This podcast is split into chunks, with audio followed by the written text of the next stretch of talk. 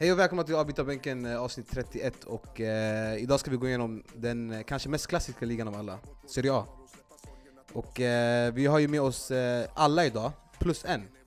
Så att vi har ju med oss Dini, Abbas, Musse och en eh, viss Pastore, Biggest Boss. Han går under många namn, men eh, Ayman. You already know the realest ja, var, nej! Ah, det är driva. Nej, eh, skitkul att få vara här. Eh, har ju spammat din whatsapp Yasser, moderatorn här, för att få vara med här och få äntligen vara med här. Har ju varit här i tre månader, typ fem dagar kvar tills man åker tillbaka till... Då jag jobbar i Dubai då, då så åker jag tillbaka om fem dagar. Riktigt kul att få vara här. Eh, uppväxt i Hagsätra. Eh, hejar på ett lag, det enda laget, you know, black in the outside, red in the inside. Du vet vilket lag det är, det är Milan, Rossoneri, all day. Och jag är här behalf of alla Serie A-lag förutom inte såklart. I'm here to protect you all, I got ya! Yes, och eh, så vi har ju en Milani- milanista här, men vi har också en interista här, Abbas. Hur, hur mår du? Du har, varit, du har inte varit här på länge? Nej jag har varit borta utomlands faktiskt. Eh, Var ju mer i Portugal och sen en vecka vila här i Sverige och sen i Spanien där jag njöt till max faktiskt. Mm. Eh, Så det har varit skönt faktiskt. Så nu är jag tillbaka och eh, redo för den här nya säsongen. Yes, och så har vi med oss eh, som vanligt Mustafa som är ofta lojal. Yes, tillbaka till en liga som själv har, jag har liksom kritiserat en hel del. Men eh, känner för första gången att eh, den kanske har någonting att ge. För att det har man saknat väldigt länge nu. Mm, och så har vi med oss Dini. Yes, ett avsnitt som jag har sett fram emot länge. Där vi, vi är fem pers i den här studion. kommer vara skönt, många åsikter och mycket, vad ska man säga, mycket saker som vi inte kommer hålla med varandra om. Så Ja. det kommer vara nice. Vi ser ju alltid eh, just Ayman och eh, Abbas diskutera väldigt mycket utanför podden om eh, Serie A. Så att det skulle bli kul att spela in idag och se vad som kommer fram. Ja men jag tror vi är överens om det mesta i alla fall idag tror jag. Absolut inte. Absolut inte. Så vi kommer höra mycket skitsnack från eh, gästen idag, men det är bara att ta emot det faktiskt.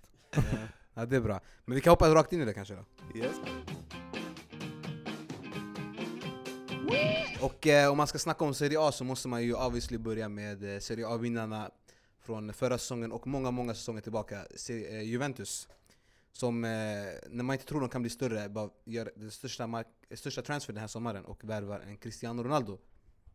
Eh, Ayman, vad var din reaktion när du såg att eh, de hade värvat honom? Alltså min reaktion var, den var blandad. Alltså, sam, alltså, när ryktet kom ut med Ronaldo, det kändes inte omöjligt. Alltså Ronaldo, han har visat att han kan åka vart som helst, vinna vart som helst och eh, det kändes bara rätt i och med att Juventus, de har gjort Serie A redan. De har redan tagit alla spelare från Serie A. De har tagit Higuain, de har tagit Pjanic från Roma. De har tagit alla de stora spelarna i Serie A, så det är dags att göra det internationally. Och de gjorde det fint. Eh, folk pratar om att han är 33 år, det är fortfarande Cristiano Ronaldo och eh, Ja, jag, jag tror det här är match made in heaven för dem alltså. Jag tror de går all in, all in i Champions League. Och det visar de också genom att ta den här smutsspelaren Bonucci också från Milan. Men det kan vi gå in i lite senare. Ja, Abbas, eh, Cristiano till eh, Juventus. Är det här ett statement att man ska vinna Champions League i år? Absolut, de har ju vunnit eh, sju raka ligatitlar och jag tror inte Alltså självklart, de kommer ju vinna åttonde också, det tror jag Men det här är ju bara för Champions League och som Pastore nämnde De värvade också den här smutsiga Bonucci Så båda ni är överens om att han är smutsig i alla fall? Ja självklart, till smutsklubben och, eh, det, och de sålde ju också Caldara, en ung talang till Milan Det visar ju bara, eh, ännu en gång, att de bara satsar på Champions League Ja, Mm. och eh, ja okej. Men Cristiano till, eh, till Juventus, var det någonting som eh, var överraskande för dig Mustafa?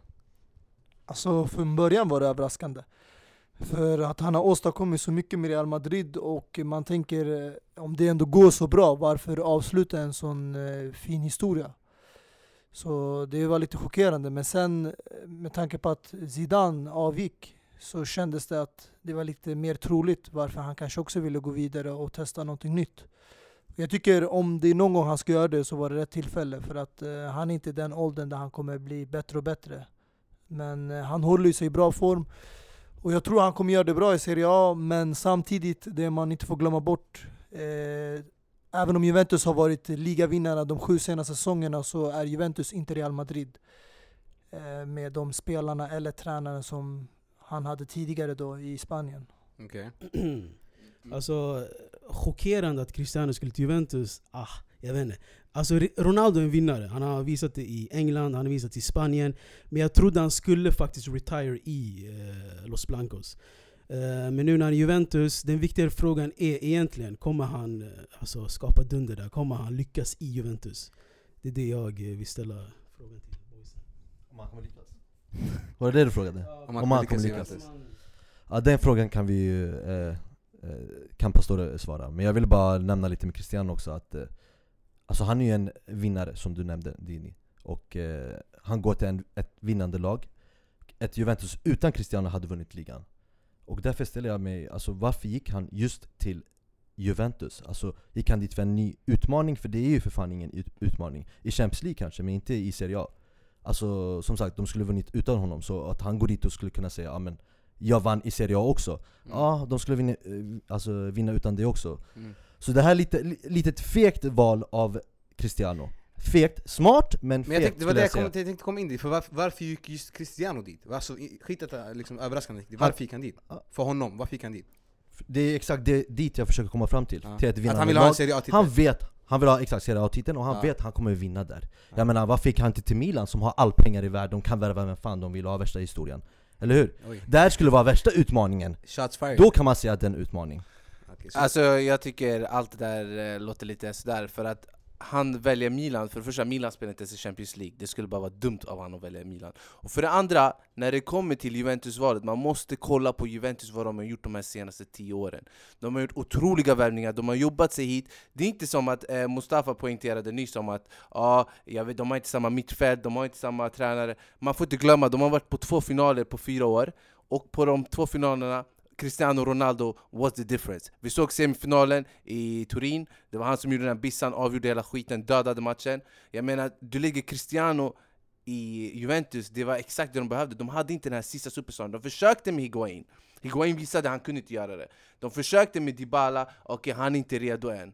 Men då hämtar de Cristiano, alltså Morata och... Eh, eh, Marotta, Marotta menar jag, förlåt. Marotta och eh, Nedved, vad han än gör i där, och Agnelli, de har gjort det otroligt bra. Så jag menar att säga att eh, det finns inte samma tränare eller samma mittfält eller whatever, jag tycker Juventus har exakt vad som behövs för Champions League. Ah, bara för att stoppa Aymar lite snabbt där. För det första var det inte i semifinalen. Det var i kvartsfinalen Real Madrid slog ut Juventus. Mm. Och för det andra, ingen kommer glömma, alltså folk glömmer inte bort Ronaldo och Real Madrid, för det är de som har gjort historia. Men ingen kommer någonsin komma ihåg Juventus, eller Atletico Madrid för den delen, som också har varit i Champions League två gånger de senaste fyra fem åren. Man kommer alltid ihåg vinnarna. Man kommer inte ihåg förlorarna. Och i den här fotbollsvärlden handlar det bara om första plats. Det handlar inte om andra eller tredje plats. Och han gick till Juventus för att självklart vinna Champions League. Om du kollar de andra Serie A-lagen ute i Europa, du vill inte bara vinna den inhemska ligan, du vill vinna ute i Europa där du är bäst i världen. Och där har vi sett att lag som Roma nu gjorde en bra Champions League-insats, tog sig till semifinal, men andra lag som Napoli och eh, ja, tyvärr har ju de senaste åren bara varit tre Serie A-lag. De har inte gjort en bra insats. Det är bara Juventus som har lyckats ta sig långt i Champions League. Så det är det självklara valet för Ronaldo om han ska gå till Italien och vinna någonting stort.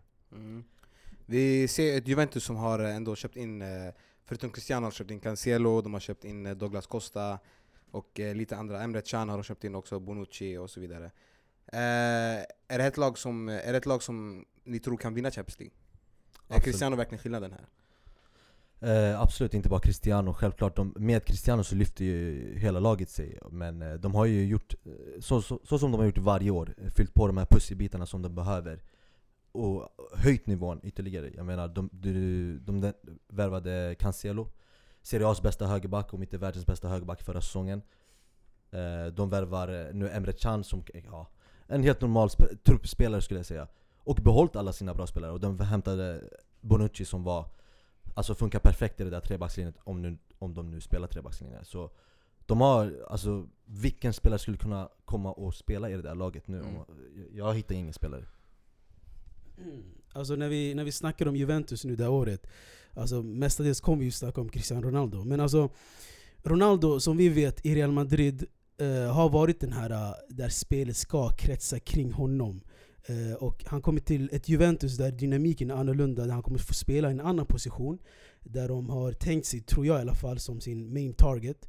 Eh, och Juventus tidigare har inte haft en sån här spelare så här, eh, så här tydligt att spelet ska kretsa kring honom.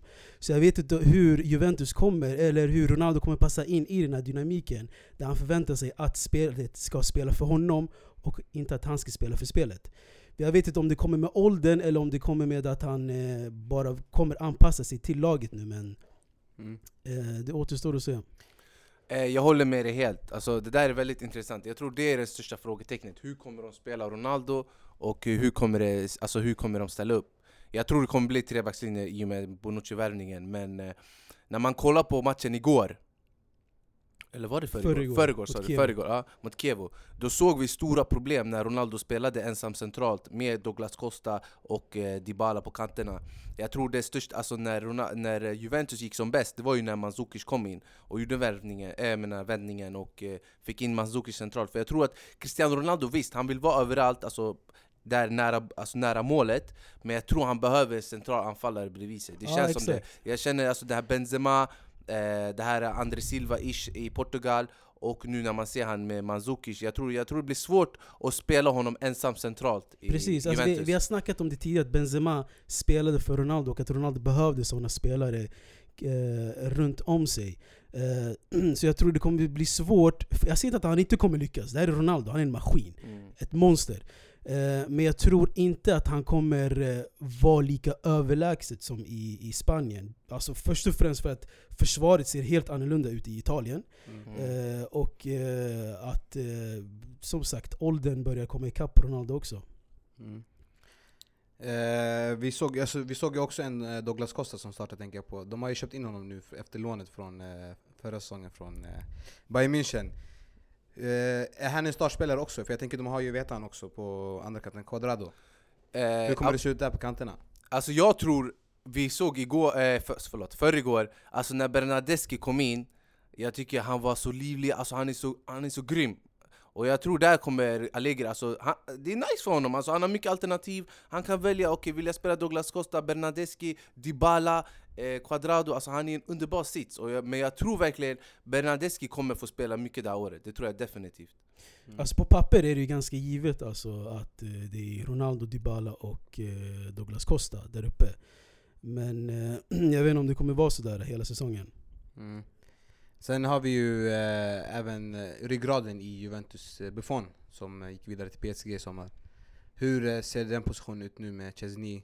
Är det han som kommer vara första målvakt eller hur blir det? Eller Perin menar jag. De har ju värvat Perin också som Precis. har varit en riktigt stor talang och varit i ett bra tag och nu har han etablerat sig och blivit en, en bra Serie A-målvakt Men eh, jag vet faktiskt inte vem som startar, jag tror det kommer bli Chesney i och med att han varit Han är ett säkert kort, han har spelat i Serie A, likt Perin men i de större, eh, större klubbarna som eh, Roma då eh, Men det kommer bli mycket rotation tror jag så som, de så som det var med Buffon, att Chesney fick spela lite i ligan och Buffon fick spela ja, i Champions League och ja, de flesta matcherna i Serie A också.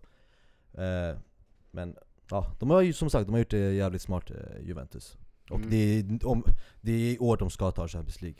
Ja, alltså jag tror inte, alltså självklart, alltså, the respect för Buffon, alltså det, det är the best goalkeeper alltså, who ever played, alltså utan snack. Men jag tycker ändå, de har Chesney där, de har Perin under, alltså, har gjort det underbart i Genoa, det enda som är problemet är hans korsbandsskador.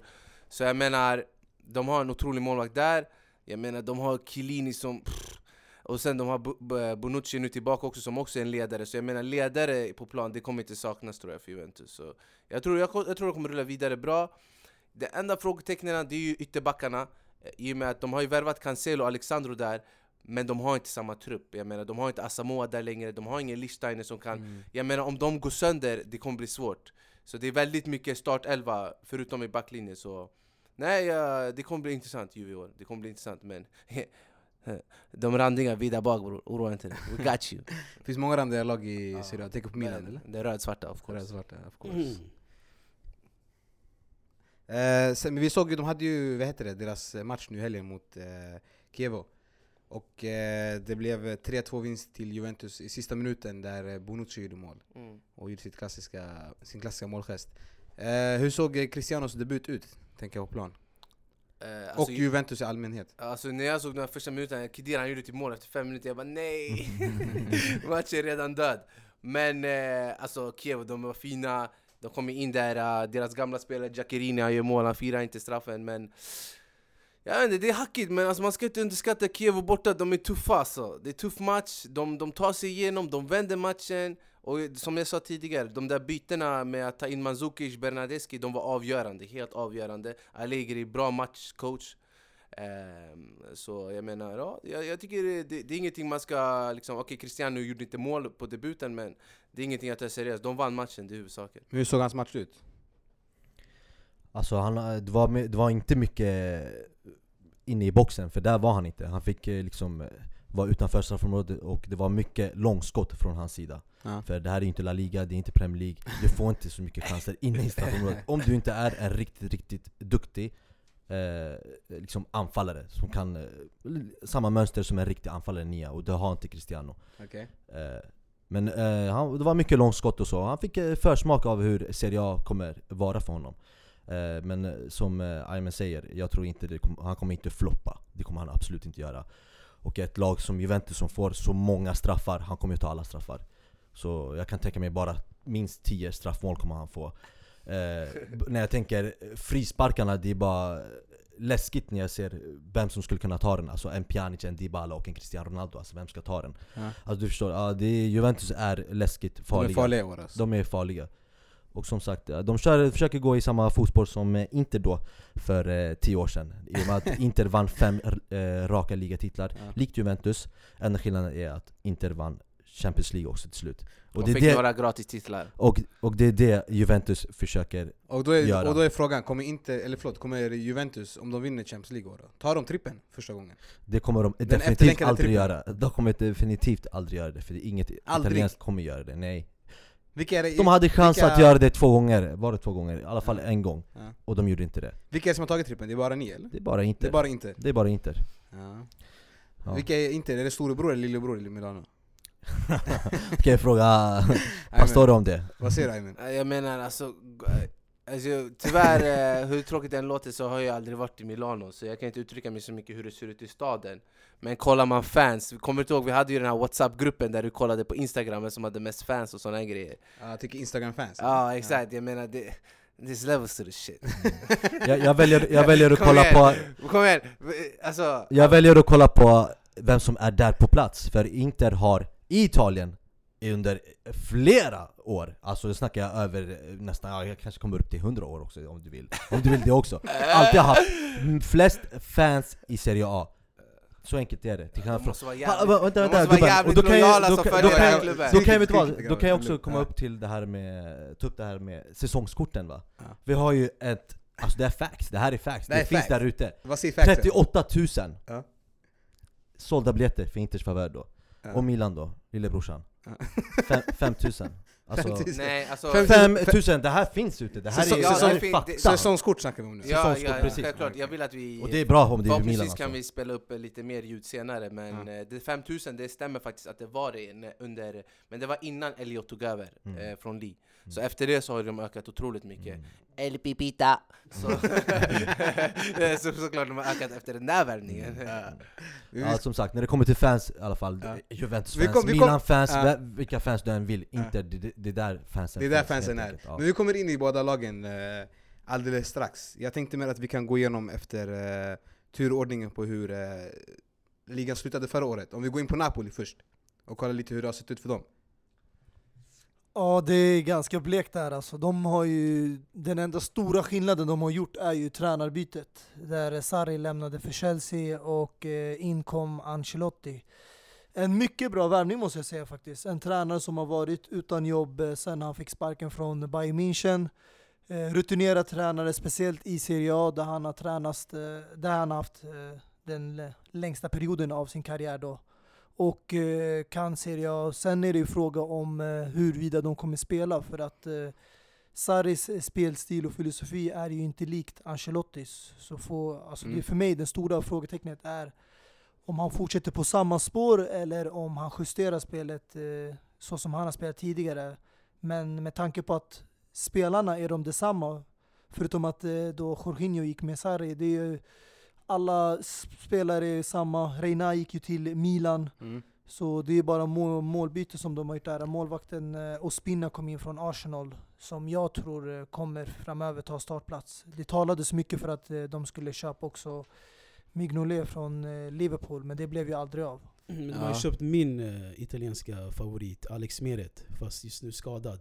Eh, som jag sa tidigare tror jag han kommer ta plats i det italienska landslaget också. Det, det, det återstår att se. Men alltså Ancelotti fick ju inte som han ville tror jag när han kom till eh, klubben. Eh, inga värvningar personligen har han gjort. Verdi var redan klar i, i, i januari. Eh, Fabian Ruiz kom innan Ancelotti kom. Eh, så jag tror med tanke på att Ancelotti kom till det här laget, trodde jag att han skulle locka med sig eh, ett par stornamn till Napoli. Men det jag tror är att Napoli hade sin chans förra året att vinna Serie A och det kom så nära som det kom och eh, jag tror, this is it alltså. Jag tror inte, inte med den här truppen man har idag eh, och att du har en, en Insigne och en Merten som, eh, som känner nästan avsmak ifrån den förra säsongen, att du kan komma närmare en scudetto än vad de gjorde förra året. Så du tror att förra året var deras chans att eh, Ja, precis, att precis, det är kört i år alltså? Precis som det var Spurs chans att ta hem ligatiteln när Leicester vann den, så tror jag att det var precis eh, samma sak för Napoli. Eller Arsenals. Ja, nej men eh, Ancelotti till Napoli, alltså jag, jag, jag förstår faktiskt inte varför han just gick dit För det är ju en stor tränare och jag vet inte om han vill pensionera sig nu och måste gå till de mindre storklubbarna då Eh, men det är jättekonstigt, men eh, jag tror att han är nöjd med hur eh, transferfönstret såg ut För han gick ju själv ut och eh, eh, gav eh, presidenten då, eh, De Laurentis, eh, jättemycket cred för det han inte ville eh, alltså skulle ske i Napoli, det, han ville behålla alla sina nyckelspelare. Och det fick ju han, Insigne och alla de här spelarna är kvar. Det var ju faktiskt en käftsmäll mot eh, Jorginho för det var ju också en nyckelspelare. Men Tydligen så passar han kanske- inte i Ancelottis spel. Mm. Men eh, han fick ju kvar alla de här spelarna och som ni, ja, ni nämnde ju de här eh, målvakterna och eh, det är ju faktiskt duktiga målvakter. Tre på samma nivå fast duktiga. En som är talangfull som kan bli en av världens bästa. En som är just nu i Ospina och en Carnesis som eh, blandar och ger. För ena matchen kan vara riktigt bra, den andra kan vara riktigt dålig. Men som Dini säger, alltså förra säsongen var ju Napolis år för att kunna vinna scudetton De kommer inte göra det, och inte på flera år Så du tror inte de kan ta topp 4? Topp fyra absolut, men vad, vad, vad är det Napoli? Nej alltså, jag undrar bara om du tror de kan ta topp Ja, 4? det, självklart, topp fyra ska de göra också ah. Men det är, inte det bra för Napoli? det är bra, men absolut inte bra när man tänker på hur de hade det förra säsongen Mm, ja, jag- jämfört med förra säsongen, absolut. Men Mm. jag tänker bara att jag, jag, jag är inte lika negativ till Napoli tror jag som andra är. Alltså, visst, topp två blir svårt, men jag, alltså, jag, jag ser dem som lika bra som de randiga, obviously, förutom Juventus. Eh, bättre än Milan obviously, men jag tror bara Inter, Inter är de enda som kanske är lite, har gjort en lite bättre tra- transfer än dem. Men alltså, de har en ny Milik som inte har använts eh, under eh, vad heter det, Sarri. Eh, de har en Mertens som eh, börjar komma in nu, eh, han satt ju på bänken senaste matchen Och så har de, de har behållit Insigne, de har eh, Callejon De har, jag menar för mig den enda spelaren jag tycker jag skulle kunna acceptera att de skulle tappa Det var Jorginho, jag tycker det, alltså, jag tycker de behöll, de behöll Koulibaly De har Hijai, de har Gulam, eh, ytterbackarna. Okej Reina, det var ett tapp, jag älskar ju Reina men eh, Det var ett tapp för dem. Men jag tycker de har ett skit, skit bra lag. Och jag tror att om det är någon tränare som är bra på att bygga vidare från någon, jag tycker Ancelotti, för han, han är mer såhär, han frigör spelarna, han är inte såhär ah, så här ska vi spela, så här ska vi spela. Han är bra eh, med spelarna, förutom med Bayern München obviously Men han, han är en tränare som många spelare pratar bra om liksom såhär, oh, han är bra, han var skitbra Chelsea, många pratar jättebra om honom I Milan, många spelare pratar bra om honom Så jag tror att Ancelotti, om han lyckas eh, Obviously om han är motiverad Eh, Det som är stora frågan. Om han är motiverad och kan visa spelarna, jag tror, jag tror Napoli kan göra jättebra år. Och glöm inte att Ancelotti är en stor, stor, stor tränare och en otrolig Champions League-tränare. Så jag menar, Napoli har inte gjort bra i Champions League på riktigt länge Och de är med i Champions League, så glöm inte det, så de kan göra riktigt bra i Champions League. Men jag menar, Serie, serie A, vem kommer ens vinna Serie A förutom Juventus? Så jag menar, jag, jag, jag, jag, jag är positiv till Napoli med Milik och alla de här spelarna som de har. För att vara kvar i topp 4 såklart menar du? uh, men uh, enda skillnaden här, det du försöker få fram med Ancelotti är att han har haft champions i sitt lag. Du nämnde Milan, ni hade champions där. Chelsea, lika, eh, likadant där uh, Bayern München, likadant där Napoli absolut inte långt, långt, långt ifrån Champions. Inte en enda kampion i det där laget är, har vunnit någonting. Det är en grej. Eh, Och han, så som jag ser det, har Carlo Ancelotti gått ner för varje år han har gått. Det tycker jag är tråkigt, för han är en stor tränare. Och om jag nu ska gå tillbaka till det här och, och säga varför de absolut inte kommer ta ett steg över Alltså högre än vad de eh, var förra säsongen Då kan jag bara ta tillbaka det här citatet som Zlatan Ibrahim, Ibrahimovic sa när han var i Inter eh, Som du känner till mycket väl eh, Pastore. Varje år så måste man värva en till två topp, topp spelare för att kunna vara kvar, vara kvar, inte höja sig, för att kunna vara kvar på toppen. Okej men det har redan Real Madrid Napoli- visat att du inte behöver, för Real Madrid har inte varit skit och de har vunnit Ja. tre år i rad. Så där kan vi bara skippa. Men, när, om eh, världens bästa lag. Ja men du sa att för att hålla sig kvar, Ja, jag snackar inte, ett så de behövde inte hålla Napoli-perspektiv, kvar. inte i Real Madrid-perspektiv Ja, där du har men- världens bästa fotbollsspelare där. Men, men det jag försöker säga är med Napoli de har ett jättefint lag, de har spelare som kan bli bättre. Nu vi ser eh, Ancelotti kommer vilja börja spela Hamsik som en regista, väldigt intressant där. Eh, nu när han börjar komma upp i åldern, du får ner han på banan. Jag tycker det är jättesexigt. Jag tror han kommer göra någonting väldigt, väldigt intressant i Napoli.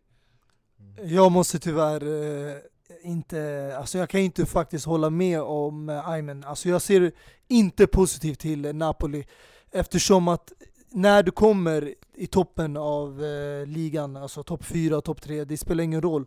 Om du deltar i Champions League, du deltar i ligan, du måste ha bredd på trupp.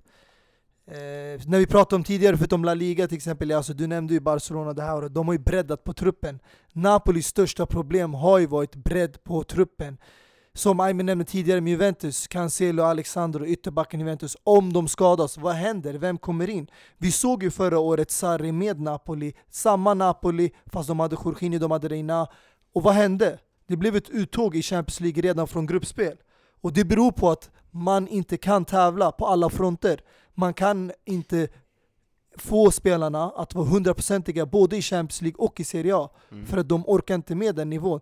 Om du tar en titt till exempel på Juventus, du har Quadrado, du har Douglas Costa, men sen har du Bernadeschi, du har Dybala, du har Mandzukic som kan komma in från bänken. De här har inga sådana spelare. De har inga kvalitetsspelare. Vad händer om Insigne skadar sig? Vem ska in på den kanten? Ska Milik eh, ta centrala positionen och eh, Mertens ska flytta ut på kanten? Vem ska komma in om eh, Allan skadar sig? Vem har de speltyp som kan fylla den eh, liksom, tomma luckan? De har inga bra bänkspelare och det är det som är problemet. Om du ska kunna ens ha en chans på ligan och samtidigt delta i Champions League och spela två matcher varje vecka. Du måste ha bredd på trupp. Och det Ancelotti hade i Chelsea, i Bayern München, han hade stora trupper. Han hade spelare där det var inte bara vinnarna, men de var rutinerade. De var mogna. Här är det mycket barn i, Bayern, i Napoli. Jag ser mycket Ja. unga spelare och det kan bli ett problem för Ancelotti. Eh, Abbas, en sista fråga om Napoli bara. Eh, de mötte ju Lazio i helgen nu och vann eh, 1-2 på bortaplan med Milic och Insigne som gjorde mål. Hur såg matchen ut? Eh, ett Lazio som var mycket, mycket, mycket bättre än dem. I alla fall första halvlek. Eh, och vilket jävla mål han gjorde också, Chiro Immobile. Och det visar också på hur, eh, alltså backarna, utan Sarri också nu, hur vad Carlo Ancelotti gör med, hur ska han göra det med backlinjen? För de har ju haft samma backlinje nu i flera år också. Eh, Albiol håller han på att ta slut. Alltså alla, vi, alla såg ju målet. Tre spelare var på Immobile och han fintade bort alla och gjorde det där målet. Alltså det är klassmål, men ändå tabbe av backlinjen. Eh, men Lazio var det bättre laget, i alla fall första halvlek. Och sen Napoli, ja de blev ju bättre suc- successivt i andra halvlek och fick till de där målen. Så det var, de ska vara glada för de där tre poängen kan jag konstatera. Om vi går vidare i tabellen och eh, landar i eh, Rom, huvudstaden i Italien och kollar lite på deras värvningar, hur de har eh, inlett den här säsongen. De har ju bland annat tagit in en eh, viss Pastore, och inte Pastore som sitter i studion och så här nu, utan en Javier Pastore från eh, PSG. En eh, Justin Kluivert från Ajax, en eh, Davide Santon från Inter Abbas, en Robin Olsen och en, en Zonzi. Lite nä- nämnvärda värvningar. Eh, Mustafa, Mm. hur har deras eh, sommar sett ut? Alltså jag måste säga, med tanke på vad de har tappat eh, så är det här ändå faktiskt en godkänd. Eh, Det enda kanske stora minuset är ju Malcolm. Som, ja, vi alla vet ju, blev ju hijackad av Barcelona där i sista minut. Ja. Som kanske hade varit en bra värvning för dem också. Men de har ju en liknande speltyp där på högerkanten. Eh, så det är, de har ju många yttrar, så jag tycker ändå de har ett bra lag. Och jag är väldigt fascinerad av Roma, hur de lyckas år efter år. Där de har tappat spelare som Mohamed Salah, Pjanic, Rudiger, nu Nainggolan, Alisson. Det är nyckelspelare som lämnar gång på gång. Och ändå lyckas de på något sätt hitta ersättare för ett billigare pris eller spelare som kanske har ett frågetecken men ändå liksom tar en startplats. Eh, Alisson, vi får inte glömma bort, det här var ju bara hans första säsong där han startade. Mm. Innan var det ju Chesney som var målvakt i Roma som gick till Juventus. Så det är många spelare som de har bytt om och om igen. Eh, För mig, alltså en Zonzi, en perfekt värvning. Eh, Även om inte han kanske är exakt samma speltyp som Nainggolan så är han en riktigt bra spelare. Sett mycket av honom i Sevilla. Vann Europa League där flertal gånger och har gjort det bra i La Liga. Så det är en eh, rutinerad spelare som har erfarenhet både från La Liga och Premier League. Och sen har jag, för mig, den stora joken den här säsongen kommer vara Justin Kluivert i Roma. Som jag tror kommer få mer chansen att spela. Han kom in på, från bänken då i helgen, men kommer troligtvis ta startplats framöver. Mitt enda stora frågetecken det är då eh, Robin Olsson, om han kommer nog eh, hålla måttet där i en sån där stor klubb för att de ska kunna ta en då Champions League-plats. Mm. Alltså Roma gör ju ett eh, sånt där klassiskt Roma-fönster. Eh, Jag menar då att de köper spelare och kommer sälja dem när de håller på att bli världsklass. Eh, Vi har sett det i tidigare säsonger att de har bara sålt, ja, vi kan ju bara ta nu Mo Salah. Bara där kan vi, och nu har de sålt Nainggolan. Och Alla spelare som bli, alltså, har blivit världsklass så säljer man, säljer man dem Och eh, det här med att man ser framtida Roma, det finns inte. Alla romanister och hela världen som bara följer Roma Alltså de måste fatta, det finns inget som heter eh, ett framtida Roma. För de säljer ju bara sina bästa spelare. Och så enkelt är det bara. Vi nämnde nyss eh, K- Kluivert, den nya talangen. Han kommer inte spela där och vara, vinna Ballon d'Or där Även om han nu hade po- potentialen att vinna Ballon d'Or. Han kommer ju gå vidare och gå till Juventus eller Inter Kanske Milan Men såna här vet andra klubbar och det är det Roma är som ett lag, och jag tror ju inte på att de kommer vi absolut inte utmana Juventus som ligatiteln, Du tror det inte heller, absolut inte Ja. Topp 4 är jag också tveksam över Aha, det är så pass alltså? Absolut, Okej. jag såg matchen igår, Ja. eh, vi såg den tillsammans Ja. eh, Mot Torino? Mot Torino, eh, exakt, Torino, och Torino körde ju över dem totalt eh, Men sen fick de, av ett misstag från Chelsea-spelaren Eller han kanske är Rom, eh, vet han, kommer de, Torino-spelaren. Eh, Ola Ainava. Som eh, missade Zeko Ja. och eh, där fick de det målet, och det, de har ju Zeko som, eh, som är kvar och det är jävligt bra för Roma för det är en toppanfallare och utan Zeko så hade de inte ens hamnat topp 6 Att ens klandra det där målet på försvaren är ju bara bisarrt. Alltså det där drömmålet från Dzeko skulle ingen i världen kunna stoppa med vänsterfoten. Ja. En fin volley. Eh, Ja, man kan ju klaga på försvaret eller så kan man berömma anfallaren för den fina prestationen. Men på tal om eh, ostoppbara mål, eh, hur såg Robin Olsens debut ut? Eh, eh, som sagt, jag var inte med när de såg matchen, men jag har sett highlights. Ja. Eh, Hur såg highlightsen? Hur såg han Ja, ut alltså, han gjorde otroliga eh, räddningar på Belotti och Falki tror jag också hade bra skott där. Så eh, det var riktigt bra av Olsen. Men sen är jag väldigt, väldigt, väldigt imponerad av Roma. Alltså jag gillar Monchi och jag gillar vad han håller på med där. Eh, intressanta värvningar. Alltså jag blir ändå lite irriterad på försäljningen av Raja mer än Alisson Becker. För att jag känner verkligen, om Raja hade varit kvar där, du hämtar en Zonzi och sen har du Pastore där Jag tycker bara balansen hade varit så fin, alltså jag tycker Självklart, om de startar med mittfältet med en Zonzi, Strutman och eh, Pastore Jag känner det är någonting som saknas där Och det är där jag tycker Raja hade passat perfekt. Men när Abba säger att de säljer och säljer, ja de säljer en Raja som fortfarande är 29-30. De känner okej, han har haft problem med DJ tror jag. DJ har roterat honom lite då och då, han har gjort det. Men bortsett från det så har de ju också gjort eh, värvningen från Milans akademi, eh, Cristante, som hade en otrolig säsong med Atalanta. Vissa, eh, vissa kanske såg han i Europa League också. Så jag menar, de har gjort det bra, fina värvningar, de har släppt spelare. Jag menar, du kan inte säga nej till 70 miljoner pund för en målvakt. Det är omöjligt, du måste sälja. Du kan snacka om Mohamed Salah, okej, det där de kunde behållit, men med Alisson Becker, du måste sälja för det där priset. Men tror inte de tog eh, alltså, depth från Salah där på Becker? Jo, jag kommer ihåg eh, klart och tydligt både från Abbas och Aymen att för, eh, förra året när eh, Liverpool köpte Mo Salah för eh, 36 miljoner pund, att det var ett överpris. För att då var inte marknaden så som den ser ut idag. För att han köptes ju innan Neymar gick till PSG och det var då de blåste upp hela marknaden. Så man kan ju jämföra då och nu. I efterhand känns ju priset lite med tanke på hans prestation i Liverpool. Eh, så det är svårt att bedöma i förhand. Ja, vi alla vet, men lie, women lie, podcast don't. Så om det inte finns i podcast då vet vi inte om det. Men jag tycker i alla fall, eh, Monchi har gjort det bra.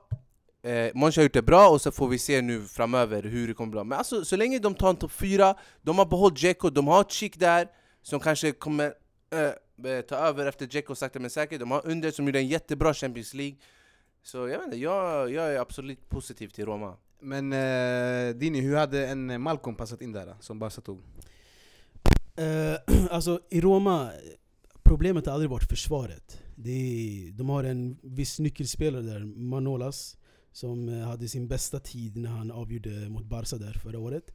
Eh, så grejen är, problemet i Roma har alltid varit målen. Vart målen ska komma ifrån. Eh, förra året gjorde man ungefär 60 mål, och året innan gjorde man 85. Eh, så jag tror kreativiteten i mittfältet har saknats sen Miralem Pjanic lämnade Roma. Och man har försökt eh, vet det, fylla tomluckan med att sätta Strotman där, eh, Nainggolan där, men även när Nainggolan flyttade lite längre fram har det inte funkat. Så en Malcolm skulle passa bra, ja, men jag tror det viktigaste är att hitta den här kreatören i mittfältet, den här robusta mittfältaren. Speciellt nu när Raja har lämnat, att man ska ersätta, att Roma ska få en, eh, alltså en ledare i mittfältet. Vad tror du om Pastore då? Alltså jag ser inte Pastore som den här äh, centrala mittfältaren, en, en, en, en, den här robusta mittfältaren som Roma behöver, eller som vilket lag behöver egentligen. Pastore är mer än en, kan spela ytter, kan spela lite offensivare i mittfältet. Eh, så en box-till-box mittfältare tror jag de behöver. En Zonzi, jag vet inte om han skulle passa i den beskrivning som jag ger nu, men en, alltså, en Men nu Pjanic. gled vi lite från frågan här. Uh, Yasse frågade jag om Malcolm. Ja, men det var det jag sa. Malcolm, Jag sa, jag, sa, jag sa mer att, alltså att de behöver en mittfältare mer än en ytter. De har ju en Exakt, jag håller med Dini för att de har, alltså som jag nämnde tidigare, Sengis under är en liknande speltyp till Malcolm. En vänsterfotad ytter som gillar att spela på högkanten, vika in och skjuta och så. Så frågan är om Malcolm hade kommit hit, hur hade de spelat då? Hade de båda fått spela samtidigt eller hade någon av dem börjat sitta på bänken och roterat? För de har ju också Champions League. Mm. Men samtidigt har de också värvat in eh, Justin Kluivert och de har också eh, Cengiz under. Ja, de har också Sharawi, de har eh, Perotti, så de har många spelare i truppen. Jag tycker det är ändå ett bra lag Roma, även fast de tappar. Eh, jag tror Malcolm hade bara varit en förstärkning till truppen. Ja, men alltså man, kan, säga- man kan klart att säga att Malcolm har kastat bort sin karriär nu när han gick till Barcelona. Oj, är- stora ord här. Ja, ja, ja alltså helt klart. Han är längst ner i näringskedjan. Ja, du såg inte hans mål mot eh, Boca Juniors eller? Ja, det var, det var en uh, seriematch? Nej. Nej, det var en cupmatch i Camp Nou. Men, men det, jag, det jag tror att han skulle, hans karriär skulle gå i fart att hamna i ett mellanlag. Du kan inte gå från Bordeaux till Barcelona. Det går inte. Speciellt om du är en Malcolm. Förstår du vad jag menar? Malcolm skulle passa bra i ett Inter eller en, eller en Roma. Jag tror det. Han kommer bli utlånad eller, eller bli såld. Det kommer bli en Arda Torrent 2.0 tror jag. Intressant, intressant. Eh, så, men alltså jag tror Roma, man ska inte sticka under stolen att de kan utmana om ligatiteln ändå alltså. Jag tror det För, för är att riktigaste... de har, de, har, de har ingen press alls i det här laget. Alls, och det är viktigt. Exakt. Det Eh. där är en stor grej, när du tappar mycket ryggspelare, du har inte lika mycket press för att eh, blickarna försvinner från dig. Man eh, tittar mer på lagen som har gjort stora värvningarna. Men Mm. jag tror det viktigaste av allt, det är att de har behållit samma tränare. För Mm. att det var mycket snack om diskussion förra säsongen, att han och styrelsen eh, var inte överens om vissa saker och eh, de var eh, mycket liksom eh, det var mycket tjafsigt där i mitten under säsongen, men sen efter han slog ut Barcelona så de trodde mer och mer på honom. Jag tror att de fortsätter med samma tränare, det är viktigast av allt, och låta honom fortsätta bygga Mm. sitt lag. Mm. Precis, jag, jag står kvar fast vid att man behöver eh, lite kreativitet i mittfältet och jag tror alltså Perotti som falsk nia, jag vet inte om man kommer fortsätta gö- alltså, jobba på det eh, Men jag tror Roma kommer bli en eh, ligatitelutmanare Nej, de har ju eh, Dzeko där i centrala anfallet. Jag tror inte de kommer behöva köra någon Perotti som falsk nia, men jag, eh, jag tror anfallet är on place. Eh, mittfält, jag förstår att det är kreativt, men för mig Pastore är en kreativ mittfältare. Sen har du ju också Cristante. Sen ifrån om han kan ta sista steget, det är den stora frågan. Men eh, annars har de ett intressant lag. Mm. Men eh, om vi går vidare då till eh, lite längre ner i tabellen och kollar på Inter som knappt tog en fjärde plats i Serie A förra säsongen. Eh, de har ju också ju haft en intressant transfermarknad på olika sätt. De började ju starkt med att eh, smyga in Ninja, Ninja Mm. Nainggolan. Och eh, sen var det mycket snack om en Arturo Vidal som eh, Barca snodde rakt ifrån. Och eh, Okej. sen har det varit mycket snack om Modric, och det han har svarat på det kommer komma lite, lite senare. Men eh, Inter, berätta oss hur har sommaren sett ut? Eh, bland det bästa man har sett de senaste åren, absolut. Eh, Får man hoppas som Inter-fan nu eller? det, jag tänkte inte just på värvningar och spelarna, jag tänkte bara allmänt. Något som eh, Pastore och eh, Mustafa här verkligen brukar kolla på när det kommer till transfers, och det är ju pengar. För de, ty- tydligen så äger de klubben. Det är så de tänker. Och, eh, Hur, sätt- kan jag utveckla jag menar, de tänker ju bara på pengarna. Vad, vi, vad, är, det- vad är det vi har sålt? Kolla hur mycket pengar vi har sålt Det är och viktigt för dem, hur många alltså. vi, vad vi har köpt Ja. för Så här lite pengar och det och det och det Det är mycket så här skitsnack från min sida, förstår du? Ja. Om jag tänker på mig Men om vi ska verkligen ta det från deras sida då Så har vi gjort en alltså magisk, makalös eh, transfer då För vi har alltså köpt de här spelarna, ska jag nämna, nämna alla? Gärna. Innan du nämner vilka ni har köpt, vi Jaha. kan börja med varför ni inte köpte Los Cancelo som gick till Juventus, eller Rafinha som hamnar tillbaka i Barcelona. Båda de enligt dig som var på lån förra året var viktiga spelare för Inter. Jag vet inte, alltså ska jag svara på din fråga eller Mustafas fråga? Eller ska jag fortsätta på det jag ville vi- prata om? Jag fattar ingenting prat- prat- Tog han åt sig så mycket så att han måste hoppa in i diskussionen eller? Jag fattar ju ingenting Ja, nej men Berätta, jag kan ju rabbla upp om vi namnet håller känslan lugn nu. Ja. Vi, har, vi, har mycket, vi har mycket att gå igenom idag med Inter, okej? Vi börjar med hur har er sommar sett ut? Och då, in, då ingår hans fråga också. Ja, sommaren, som sagt, magisk. Okej. Eh, vi kan ju börja med spelarna. Absolut. Vet du vad? Jag kan börja med det han försökte Ja, säga. men gör För tydligen så vet han inte vad som har skett. Ja. Eh, jag kan ju säga att Inter som vanligt under de här senaste säsongerna har varit eh, Vi har ju Financial Fair Play som eh, flåser oss in i nacken då. Ja. Och vi måste följa dem. Eh, m- ja, vi Ni kan får få det inte sen stressa med för de andra alltså. klubbarna.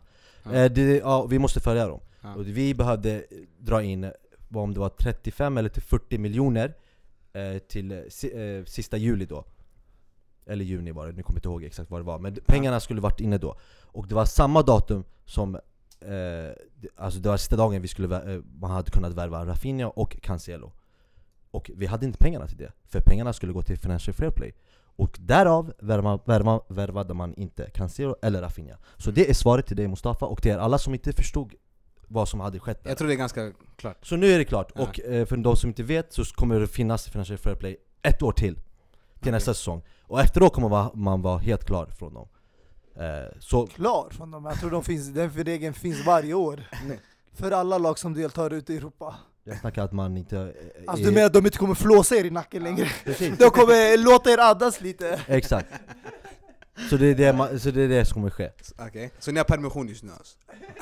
Ja, Sett till, det är jag försöker komma fram till Sett till, sett till transfers så tror man ju absolut inte det, eller hur? Men låt oss höra hur det har sett ut den här sommaren då. Eh, vi har ju värvat som sagt, jag kan nämna alla spela, Ja. spelarna Nainggolan, eh, Keita Balde, Mm. Versakio eh, Hjälp mig nu, De Lautaro. Martinez som eh, många inte känner till De Vrij. eh, på free eh, transfer och Kwadwo Asamoah på free transfer Var det sju spelare där? Eller finns det en till som jag inte nämnt? Vi har en... eh, Det är dem, det Di Marco. Men då? Di Marco, om du inte nämnde han. Det där är våran gamla spelare gubben, han är tillbaka Alltså jag tänker han, han kommer tillbaka in Ja han är till tillbaka, truppen exakt. alltså. Yes. Ja. Ja. men nyförvärv tänker jag då, det är de här som jag nämnde just nu. Och de här har man finansierat med att man har sålt. Primavera-spelare Primavera, inte. Och man är fortfarande Ja. plus! Man ligger Mm. fortfarande plus Kondogbia, Santon. Ja förutom utsett, exakt, Mm. och sen har de köpt Santon Och har eh, köpt eh, Kondobia Har köpt Mu- Murillo från Valencia också Som de har köpt De har köpt vå- vårat dött kött, vi har sålt Eder Ja. Vi har kö- eh, sålt, vilka finns det fler som vi har sålt? Fast det är lite överraskande. Nagatomo Det- Dött kött det har vi lite, sålt! det är lite överraskande att ni fick 9,5 miljoner euro för Santon ändå. Mm. Ärligt talat. Ja, det är inte bara han, vi fick jag tror mer från eh, våran talang också Vem då? Zaniolo som Roma köpte också Mm. Eh, hur som helst, det jag försöker komma fram till att man har sålt och man ligger fortfarande plus och det viktigaste är att man har sp- eh, få, eh, alltså fått bort all dött kött och Mm. haft kvar eh, toppspelare som Icardi, Perisic och alla, som alla storklubbar Nu är det bara, nu är det bara lammkött kvar alltså. Precis, Ja. exakt. Och man har fyllt på med topplirare men Så alltså, om man har financial fair play och Ja. allt det här som jag har nämnt och ändå lyckas med det här som Inter har gjort det är bara att applådera. Och jag vet Eh. vad ni, och sen har vi även en. Eh, Bara rätta alla som inte, som tror kanske på Yasser här.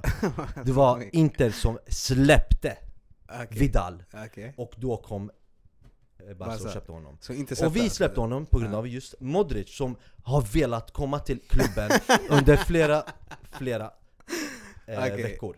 Okej. Men till bara- slut man inte kan fick vara- av man- man kan vara- Florentino Perez. Ja. Och innan jag går in i det här Ja. så skulle jag jättegärna eh, uppmana Ja. lyssnarna Okej. att gå in och läsa på det här.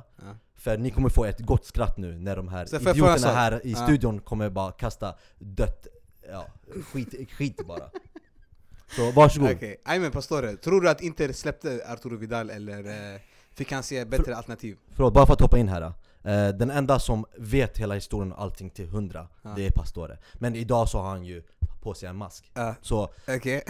ta på dig masken och börja rabbla på gubben Berätta, berätta.